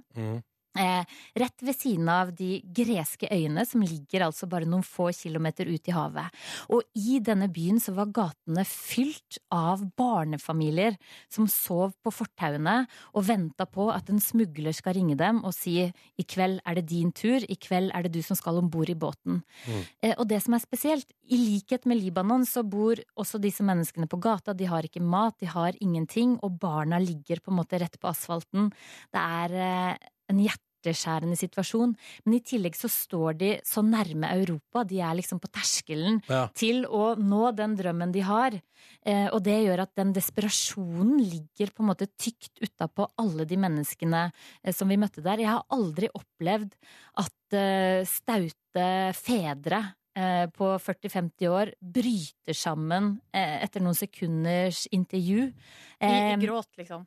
De begynte å gråte. Jeg begynte, det var, vi sto i en flyte, flytevestbutikk fordi salg av flytevester og armringer til barna har blitt stor butikk. Ja, Det tjener folk penger på der, da. Ja. Det tjener de penger på, og det er Mm. mange som ikke har råd til å kjøpe flytevest til barna sine.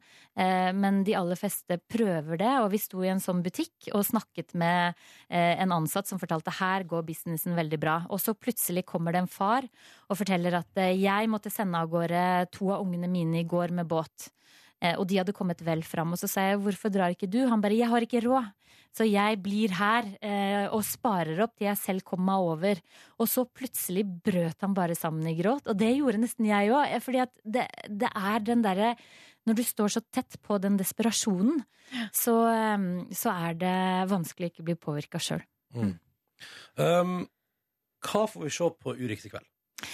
Vi eh, har en sending hvor vi eh, følger eh, mennesker tett på i deres flukt fra nærområdene og over til Europa. Vi er i Libanon, vi er i Tyrkia, og i tillegg så skal vi ha eh, våre korrespondenter som er overalt i verden. Vi har folk på plass i, eh, i Tyrkia, vi har folk på plass i, eh, i må jeg tenke, i Ungarn, i Kairo. Mm. Eh, nå har vi til og med også reportere på plass i København, for mange av flyktningene eh, kommer dit nå. Eh, Så vi, eh, pluss at vi skal ha mange interessante gjester, og skal også se nærmere på hva er det som er Europas ansvar, og hva er det som er eh, Hva kan Europa gjøre med denne situasjonen? Mm. Eh, jeg anbefaler alle å se på det. God sending i kveld, Hege. Det Tusen begynner takk. halv ti. på Kvart på NRK1. ti. Kvart på ti, unnskyld. Kvart på ti, NRK1. Forbered deg. God torsdag. Fremmedkoselig dag. Det er rett og slett medmenneskelighet i fokus. Det er fordi vi bryr oss om mennesker på flukt. Silje Nordnes her. Jeg som heter Ronny her. Hallo. Og det er en litt Eh, annerledes dag. Det kommer litt flere folk innom her etter hvert. Ja, det er litt annerledes dag. Det er jo derfor eh, vi er her nå klokka syv over ni, og ikke Jørn. Mhm. Jørn kommer etter hvert. Han er på fra klokka fem, er det ikke det? Jo, stemmer sammen med, sammen med Christer. De skal på en måte jeg skal si, runde av kvelden. Det er jo gode fem timer der, da. Det er gode fem timer med de ja, to. Blir får også gjester på besøk, og så skal de uh, kjøre litt sånn highlights fra dagen som har vært. da. Men nå er jo dagen så vidt i gang. Um, Vi har prata i Petter kan jeg bare oppsummere kjapt. Hvis du akkurat har våkna eller akkurat har skrudd på, så har vi prata med P3-reporter Silje Ese, som er i Hellas og har fortalt eh, grufulle skildringer fra ferie og kos. der det er ferieparadis på den ene sida og flyktning eh, overalt på den andre sida. Mm. Og så har vi pratet med Hege Moe Eriksen, som òg har vært på tur, og som har et utvida Urix på NRK1 i kveld. Og så skal vi straks koble oss opp igjen til Ramona og Siggen, fordi som du sa før nyhetene, Silje, denne timen her tenkte vi skal ha litt fokus på kan vi, hva kan vi finne på. Hva kan vi gjøre? Og så apropos det der med, med Hellas. med Hellas og ferie osv. videre Vi har fått en melding fra Kristine som skriver Vi skal til Rodos med familien vår neste helg, og det føles helt ko-ko. Ja. Bestilte billettene i februar, og her er vi nå. Mm. Har dere noen tips eh, til hvordan vi kan hjelpe? Når vi er der, bør vi i det hele tatt reise? Det føles så absurd. Har lyst til å hjelpe, eh, sier Kristine. Og for det første så sier jeg, hun spør eh, bør vi i det hele tatt reise. Ja! Og jeg tenker ja, det kan selvfølgelig, liksom. Og det er Altså- lov å reise på ferie, og det er lov å kose seg òg, Det lov, selv om det skjer fæle ting i verden. Det er lov å nyte paraplydrinker på stranda og Ja. få på en grei tan, men det som jeg tenker at da kan man jo det er jo liksom, man, det er mange sånne små, fine ting man kan gjøre. Man kan uh, ta med seg litt ekstra vann når man trasker mot eh, stranda, og gi til folk som trenger det. Og ikke minst, nå driver jo omtrent alle charteroperatørene og sier sånn Skal du dit, ta med ekstra koffert hvis du vil. Så jeg tenker jo, gjør det. Pakk eh, de vinterklærne som dere tenkte dere egentlig skulle kaste.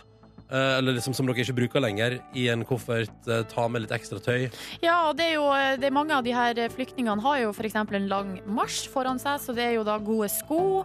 Eh, og så er det sånne ting som jeg tenker sånn, Man kan jo tenke seg sjøl hvis man er på en lang reise. Hva er det man på en måte Hva er det man trenger? Og det er jo da kanskje sånn som deodorant, tannbørste eh, og våtservietter for å holde seg rein. Altså den typen ting da som folk Mm. har bruk for. Så det jeg tenker, reis på ferie, kos dere maks, men jeg tenker også at det er fint å være klar over hva som foregår, og så kan man Ja. bidra der det passer seg. Men herregud, det må jo være lov til å nyte en ferie. Tipper at Kristine og familien har fortjent den ganske så greit eh, på, eh, i starten av september her. Eh, god tur uansett. Hvis du vil hive deg på P3 til 1987, og så bruker vi hashtaggen fremmerkoselighet i dag. Nei, unnskyld, 'fremmerkoselig'. Fordi eh, vi er det mottatt av uh, fremmedfiendtlig. Vi vil eh, sette pris på engasjementet der ute. Eh, og vi vil nyte å se alt det fine folk gjør for flyktninger som er på vei til, eller som allerede har kommet til Norge.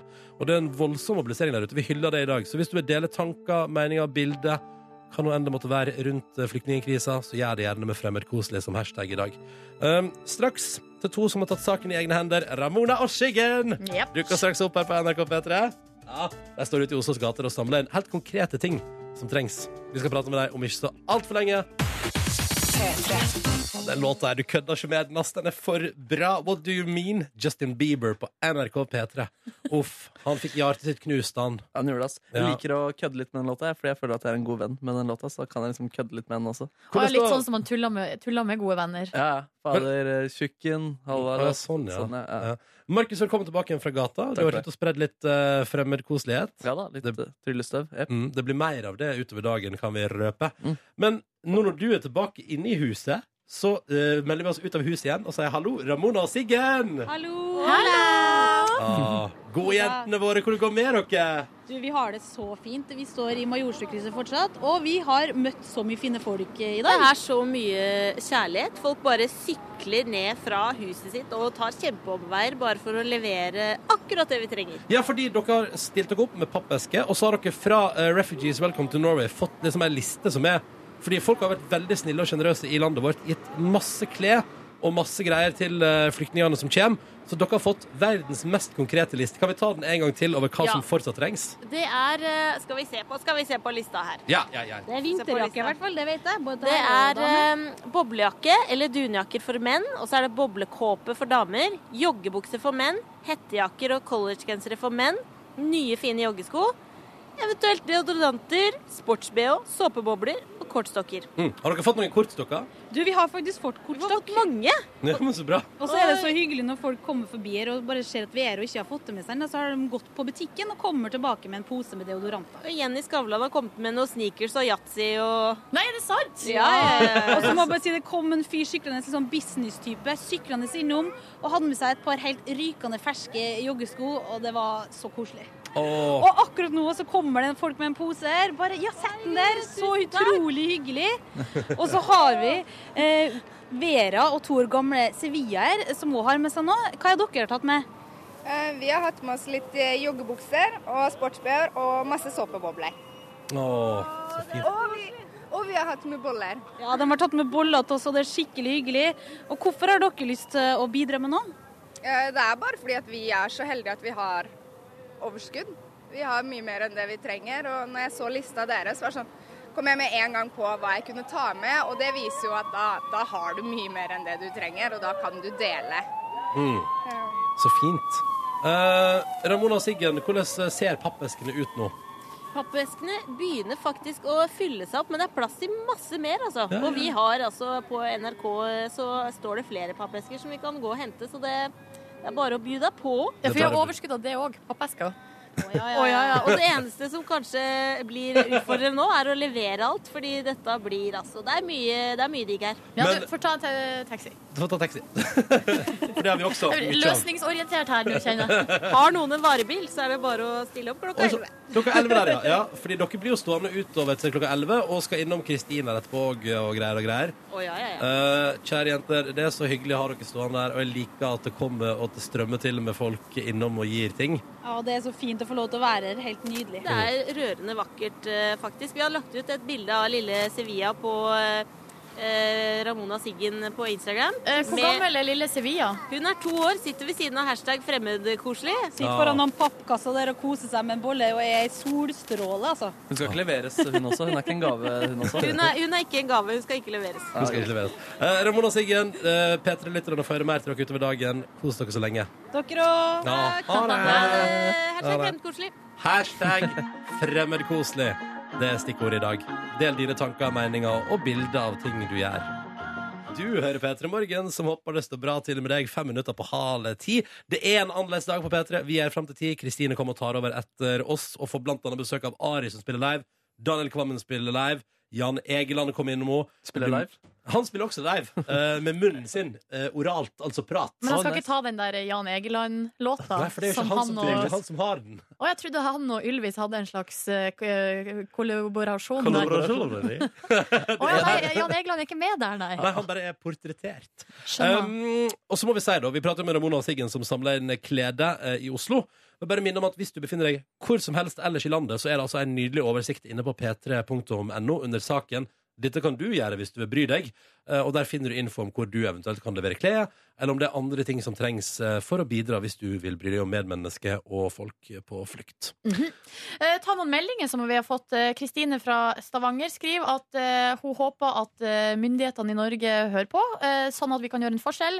I lag, eh, sammen er vi sterke. Eh, hun har sjøl donert eh, penger til Røde Kors og oppfordrer andre til å gjøre det samme, eller donere til eh, forskjellige hjelpeorganisasjoner. Da. Ja, og Der finner du også all info på p3.no, Ja. uansett hvilken hjelpeorganisasjon du skulle ønske å benytte deg av. Og så skriver Petter, han har et, eh, han har et eh, innspill her som jeg syns er veldig interessant. Han skriver eh, samtidig som vi bryr oss og hjelper flyktningene alt vi kan, hver og en, så kan og bør vi også delta i noe av det mest fantastiske vi har, nemlig demokratiet. De som flykter, kommer fra forferdelige forhold der demokrati som oftest er et fremmedord, og da er det viktig at vi deltar i det privilegiet vi har, samtidig som vi hjelper da på, de, på den måten vi kan. Da. Ja, Det er ikke dumt. Og der, altså, vår hashtag i dag, fremmedkoselig, passer jo også litt til den også. Fordi det handler jo også om eh, fremmede, og det kan jo være på alle mulige måter. Folk med fremmede meninger enn deg selv, f.eks. Ikke sant? Ikke sant? Og det er viktig å, å være hyggelig mot de, og ikke, ikke slem mot de du er uenig med. For da får vi en deilig demokratisk eh, mulighet til å prate om ting. Du, det er veldig godt sagt, eh, Markus. Ja, Takk du er fin, altså. Du er en Jeg var jo klok i mann. går på en slags eh, forhåndsstemmeturné.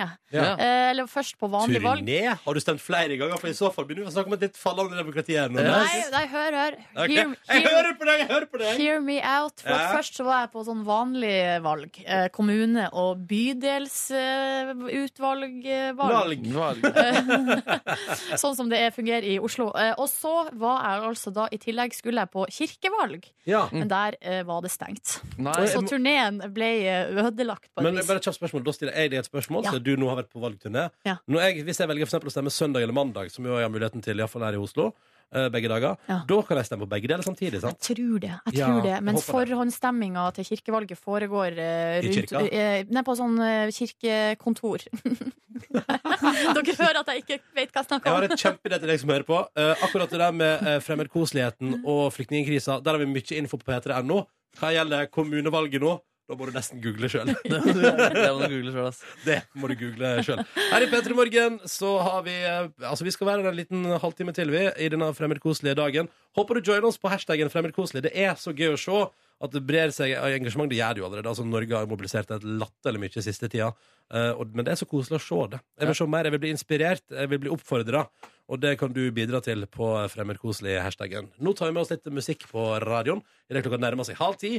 Og nå, dere, frekke nye låt av Macklemore. Den heter Downtown. Og jeg sier det bare, hvis du vil ha en liten leik for deg sjøl nå, kjære lytter, så kan du begynne å telle referanser. Låter og artister dette minner deg om. Jeg tipper du kommer over 15 i dette kaos av en låt. Men vet du hva? Det er kaos. Det går fra hiphop, eh, gammeldags hiphop, til musikal. Og jeg liker, Er det fint? jeg liker hvert et sekund av det. Å, det er frekt. Det er frekt. Dette er NRK P3. Uh, vi har fremmedkoselig dag. Hvis du vil vite hva du kan gjøre for å engasjere deg og bry deg om mennesker på flukt, så kan du gå inn på p3.no og lese alt om det der. Og du, Silje, har jo gjort en ting helt sjøl. Ja, altså, vi har fått en melding her nå på SMS som jeg har lyst til å ta. Kodord P3 1987 fra snowboardsnekkeren, som spør Hei! Snekker han snowboard, da, eller? Er det det han driver med? Kaller seg for snowboardsnekkeren. Ja, ok. Eh, Så da regner jeg med at det er en som snekrer snowboard. Det tror jeg også. Hei, jeg lurer på hvorfor jeg aldri har Eller hørt stå på snowboard mens han snekrer. Ja, det kan hende. Har jeg lyst til å se Men nå må vi gå videre, for det er ikke det vi skal snakke om. Ok. Eh, Jeg lurer på hvorfor jeg aldri har hørt snakk om fadderordninga når det kommer til uh, flyktninger, uh, spør snowboardsnekkeren. Kun nye studenter, liksom? Ja, ikke sant? At det er bare på uh, Helt fra første klasse egentlig, og helt inn i universitetet. Mm. Han spør hvorfor kan ikke vanlige mennesker som meg strekke ut en hånd, hjelpe til med integrering, språk, jobb, fritidsaktiviteter osv. Uh, frivillig. Eh, helt sikker på at det finnes mange ressurssterke nordmenn der ute som kan gi de som kommer hit, en lettere overgang. Og da er det interessant at du spør snowboardsnekkeren. Fordi en. Det finnes uh, Nå på p3.no er det en sak som heter 'Slik kan du hjelpe flyktningene'. Og der står det blant annet om uh, flyktningeguide hos Røde Kors og folkevenn gjennom Norsk Folkehjelp, da, som er nettopp det. Fadderordning. Mm. Uh, jeg har jo meldt meg da til Røde Kors, det har jeg fortalt om før. Uh, sendt inn en sånn 'hallo, jeg vil være med og bidra'. Du er ekte. du er ekte Og i går ikke være sånn Nei, jeg mener det, ironisk. jeg mener det. Han er eh, ikke ironisk. Jeg prøver ikke å eh, lyse meg i glansen her. Eh, jeg prøver bare å være med og bidra. Ja, jeg er Eh, nysgjerrig. I går var jeg på intervju Kan du hos Røde kjapt, Kors. nå, nå må du kjapt bare Vent litt, da. Intervju for hva? For å bli flyktningeguide. Hva er det? Eh, flyktningeguide er sånn at du blir rett og slett kobla opp med en eh, flyktning. Eh, en person som gjerne er samme kjønn, samme alder, og så prøver de også å matche litt sånn på interesser Hobbies. og hobbyer og liksom sånn hva man liker å gjøre og sånn. Mm. Eh, og så eh, forplikter man seg til ett år, eh, i hvert fall i Røde Kors, da. Eh, du forplikter deg til ett år, og da er det det du på en måte skal gjøre Det er roughly eh, ca. tre timer i annenhver uke. Så skal du Eh, henge med at du skal henge med en person, og da er det jo veldig veldig individuelt da, hva den personen trenger. Eh, og det er jo veldig, eh, også veldig forskjellig hvordan, eh, på en måte, hvor i prosessen de ulike folkene er. da. Mm. Noen har nettopp kommet, noen kan ha vært der i mange år, men fortsatt føler seg ensom eller utafor, eller får på en måte kanskje ikke helt grepet om det norske samfunn. Når du sier guide, så ser jeg brått for meg at du liksom to, eh, hver andre uke tar med deg en flyktning som nettopp har kommet til Norge på tur i Vigelandsparken viser fram Sinnataggen. Yes, it's a penis on the statue. Jo, men jeg tenker sånn eh, Vi kan ikke ferde Vigelandsparken hver gang, men det er faktisk ikke så dum idé å eh, begynne eh, Eller etter hvert eh, vise litt sånn type, type norske ting da som vi er stolt over. Vigelandsparken eller Holmenkollen. Nasjonalmuseet. Ja. sånne type ting. Men Men hva så- tenker du i utgangspunktet? Hva tenker du at første runde skal bli? Eh, nei, det første, det første er faktisk at man møtes hos Røde Kors, og er at man bare på en måte blir litt sånn kjent. Ja, og så tonen kan man begynne å Ja, finne tonen. Uh, og jeg tenker sånn uh, For det er en del ting som faktisk kan være litt sånn komplisert. Da jeg sjøl kom til Oslo, jeg skjønte jo ikke opp ned på f.eks. trikksystemet. Jeg tok alltid trikken feil vei. Ja, det er sånn type ting som jeg nå har fått grep om, som Mm. jeg kan bringe videre til noen nye. Ok, Så første, Um, første oppgave er ta trikken. ja, og så Ja. er det sånn type Så kan man forklare sånn at eh, ja, det er billettkontroll. De eh, kontrollørene er ganske strenge, og de ser sure ut. Men hvis du har billett, så går alt bra. Ja. Eh, sånne type ting. Finn.no, genial side som man kan Ja, sånn, ja. eh, gi videre. Altså, det er liksom Det er egentlig bare Du kan uh, Livet! Livet! Her er en nydelig oppskrift på bolognese. Uh, er det Ja, nå er ikke det sånn eh, typisk for Norge, da, men Det er klart. norske Tror du det, rett. Ronny? This is a grandiosa. Ja, det er Det er vi har en nasjonalrett i Norge som er biffsnadder med pommes frites oh. uh, og bearnés og Tolson Island. Men du, uh, Ja. hva ble du spurt om på intervjuet i går? Nei, da er det sånn interesse. Jeg følte at jeg var på speeddate. Det er sånn, Fortell om deg sjøl. Hva er du interessert i? Og det syns jeg er så utrolig vanskelig. For Hva da blir sa du sånn at du var interessert i? Og du pynta ikke på sannheten da? Hva sa, hva sa til film og TV. Ja. Eh, jeg sa at jeg kan finne på å gå på kunstgalleri Ja, hvis, du sa det. Du sa det! hvis anledninga byr seg. Men det var ikke for å skryte, men det sånn, jeg kan jo faktisk finne på å gjøre det. Ja, det er nice. Altså, kan det være at du får en sånn partner som er professor i kunst? eller et eller annet sånt? så Ja, kan det bli- er jo bra for meg, da. Ja, det det Men, men, eh, hva mer ble du spurt om, og hva mer sa du? Nei, men det er, det er bare altså det er alder og uh, interesser, hva du gjør, og, og så vil de jo sjekke at du ikke er liksom helt ute på tur, da. Og jeg tror det gikk bra. Jeg tror jeg har kommet gjennom nåløyet. Tror du det? Når Ja. er første møte? Eh, Nei, det vet jeg ikke, for nå skal, vi da, nå skal det matches. Nå skal så finne noen andre som også er glad i film, TV og kunst, og så ser vi hvordan det går. Og så skal jeg på et lite kurs, og så er vi i gang. Så. Du, Gratulerer med engasjementet, Silje. Og som sagt, du Takk. der ute, p3.no, der finner du link og info hvis du kunne tenke deg å gjøre noe av det samme som Silje har meldt seg opp til. Og så er det jo sånn at folk da forteller oss, gjennom blant annet bruk av hashtaggen fremmedkoselig, og på alle andre plattformer, hva folk gjør for å mobilisere og engasjere seg. Og det er så mye! Og det er Mm. så mye fantastisk engasjement. Fra alle aldre. Helt ifra åtte år og opp til eh, eh, gamle, gamle folk. Mm. Og så har vi fått tips fra Torny, eller faktisk det er venner av deg, Torny, som har tipsa om deg. God morgen. God morgen, god morgen. Du er 27 år, og så satt du og strikka her om dagen, og så kom du på en idé. Fortell. Ja, jo, jeg satt og strikket, og så tenkte jeg, som sikkert veldig mange andre har gjort, at det er fint å kunne gi bort, eh, gi bort litt eh, ting. Der hvor det, til noen som trenger det litt mer, da, som trenger varme klær og votter og lurer og sånn framover. Eh, men så er det jo noe med at når man sitter og strikker, så er det jo veldig mye varme og omtanke og kjærlighet i de plaggene. Eh, vi har vel alle fått Fått, så, Sokker av fått så mye bestemor. ja. Ja, ja, Ja. har så masse ullsokker. Det er helt nydelig. Ja, Ja. samme her, samme her. Ja. Og da, da tenkte jeg at eh, det hadde vært veldig fint om den eh, kjærligheten og omtaken som ligger bak, eh, kom fram til den flyktningen som får dette plagget. Mm.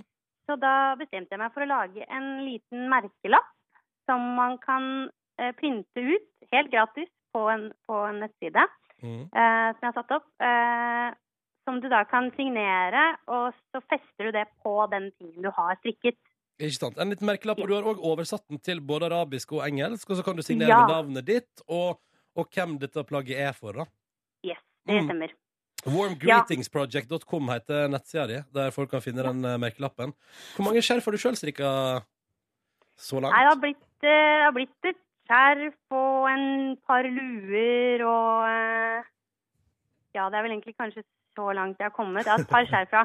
Men eh, ja, jeg har jo eh, kanskje jobbet litt grann med å få til dette prosjektet akkurat nå i det siste. da. Ja, Så nå kan jeg gå tilbake til ren strikking igjen.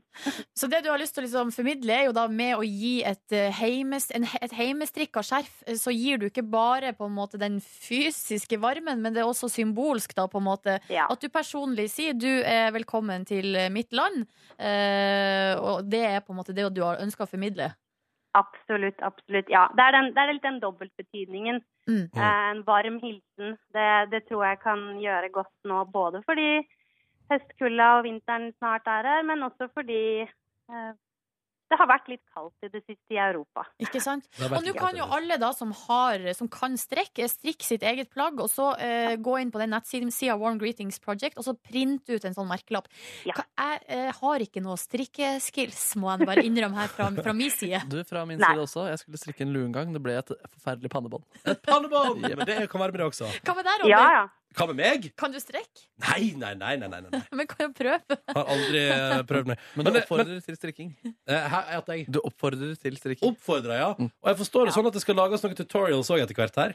Ja, jeg har planer om å lage den eh, enkleste, eh, det enkleste skjerfet i verden du kan strikke, eh, og legge ut en video av det. Så jeg syns ikke man skal avfeie og si at man eh, ikke kan være med på det fordi man ikke kan strikke. Fordi jeg tror vi alle var gjennom det på barneskolen, og det er ikke så vanskelig som man kanskje husker. Så det er bare å finne fram strikke, strikkpinnen og garnet, så skal jeg sørge for resten. Jeg tror faktisk at jeg har det mitt obligatoriske skjerf. Det ligger hjemme på barnerommet eller pikerommet i en pose, og så ligger strikkepinnene fortsatt i, for jeg visste aldri hvordan jeg skulle avslutte. Men kanskje Å ja, men det kan jeg også Ja, det kan du hjelpe med. Ja, Ja, det er bra. Nå stemmer for at du går hjem og finner det, Nordnes, og så fester du på en merkelapp og gir det til noen. Torne, gratulerer med nydelig nettside og bra prosjekt, og Takk, lykke til videre. Tusen takk. tusen takk. Så er det altså warmgreetingsproject.com hvis du har lyst til å ta en titt og skrive ut din egen merkelapp, som da altså er oversatt både til engelsk og arabisk på merkelappen der. Og nå er det altså fullstappa i studio her, må jeg nå få lov til å si. Nå har både Kristine og Mari fra Urørt kommet inn her. Hallo! Hallo! Hei. Hei. Og det har skjedd altså stor dramatikk i kulissene mens du har hørt musikk, kjære lytter, fordi Kristine har bakt altså noe så innmari, og Silje Nordnes har Hvit måne ekstrem utgave, som også da gjelder sukker. Det stemmer. Eh, Godteri og søtsaker skal jeg jo holde meg unna. Og jeg føler at det her er en sabotasje, en konspirasjon mot meg som person. Nei, det er fremmed, eller uh, kjentfolkkoselighet. Kjentfolkkoselighet? Ja, nei, jeg tuller bare. Men uh, det er jo, f- jeg vet jo hvor flink Kristine er jo bak. Og det er jo en pine uh, at det her skal stå foran meg og friste meg på denne altså måten. jeg, altså, jeg lar meg jo provosere av ekstrem hvit måned. Eh, så jeg får jo lyst til å nærmest dytte kaken inn Ja, i i munnen, munnen. Ja. din. Nei, men det er ikke det vi har lyst til å Nei. gjøre på Det vi denne har. Vi, driver jo, vi skal jo være koselige tross alt. Ja. Dere, men, eh, Men jeg har lyst til å se det en sånn annen dag, at du putter en kake inn i kjeften Ja, vi tar det i morgen. Ja, det blir gøy fredagstradisjon. Hver ja, hva fredag du sa? på Hva var det du P3. sa? Nei, eh, nei det er, altså, vi får ekstremt mye gjester på besøk eh, de neste timene på P3, eh, Mari og jeg, og da tenker jeg jo som så at det er jo hyggelig å, å liksom lage litt sånn eh, koselig stemning i studio. Vi skal Mm. snakke om ganske tunge ting etter hvert, eh, og vi må, ha, vi må ha gode omstendigheter. Det må vi.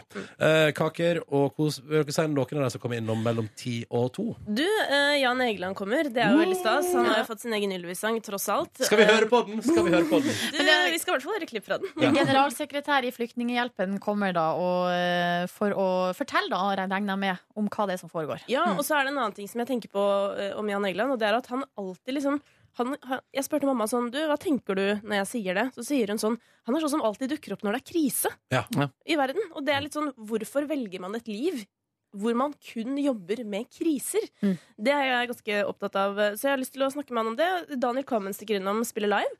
Eh, Det samme gjør Ari, og hun har med seg Surfalot. Det er jo koselig. Hele veien fra Sandvika. Sandvika-samarbeid der, altså. Yes. Ja. eh, I tillegg så skal vi få besøk av en jente som heter Sally, som eh, flykta fra Sierra Leone i veldig veldig ung alder, og som skal fortelle sin historie. Og det kjenner jeg at jeg skikkelig gruegleder meg til. Fordi eh, det er liksom noe med det når man får ting så tett på som man gjør nå for tida. Eh, Og egentlig hver gang det har vært sånn i media, hvor det er liksom du får se bildene, du hører historiene.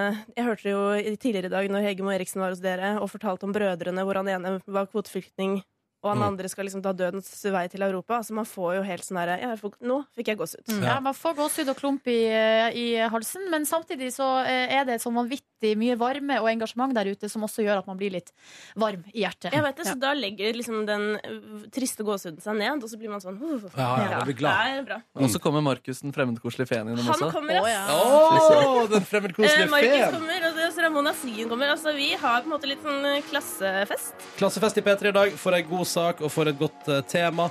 Eh, og så må du hive deg på hashtaggen vår 'Fremmerkoselig'. Hør flere podkaster på nrk.no podkast. P3.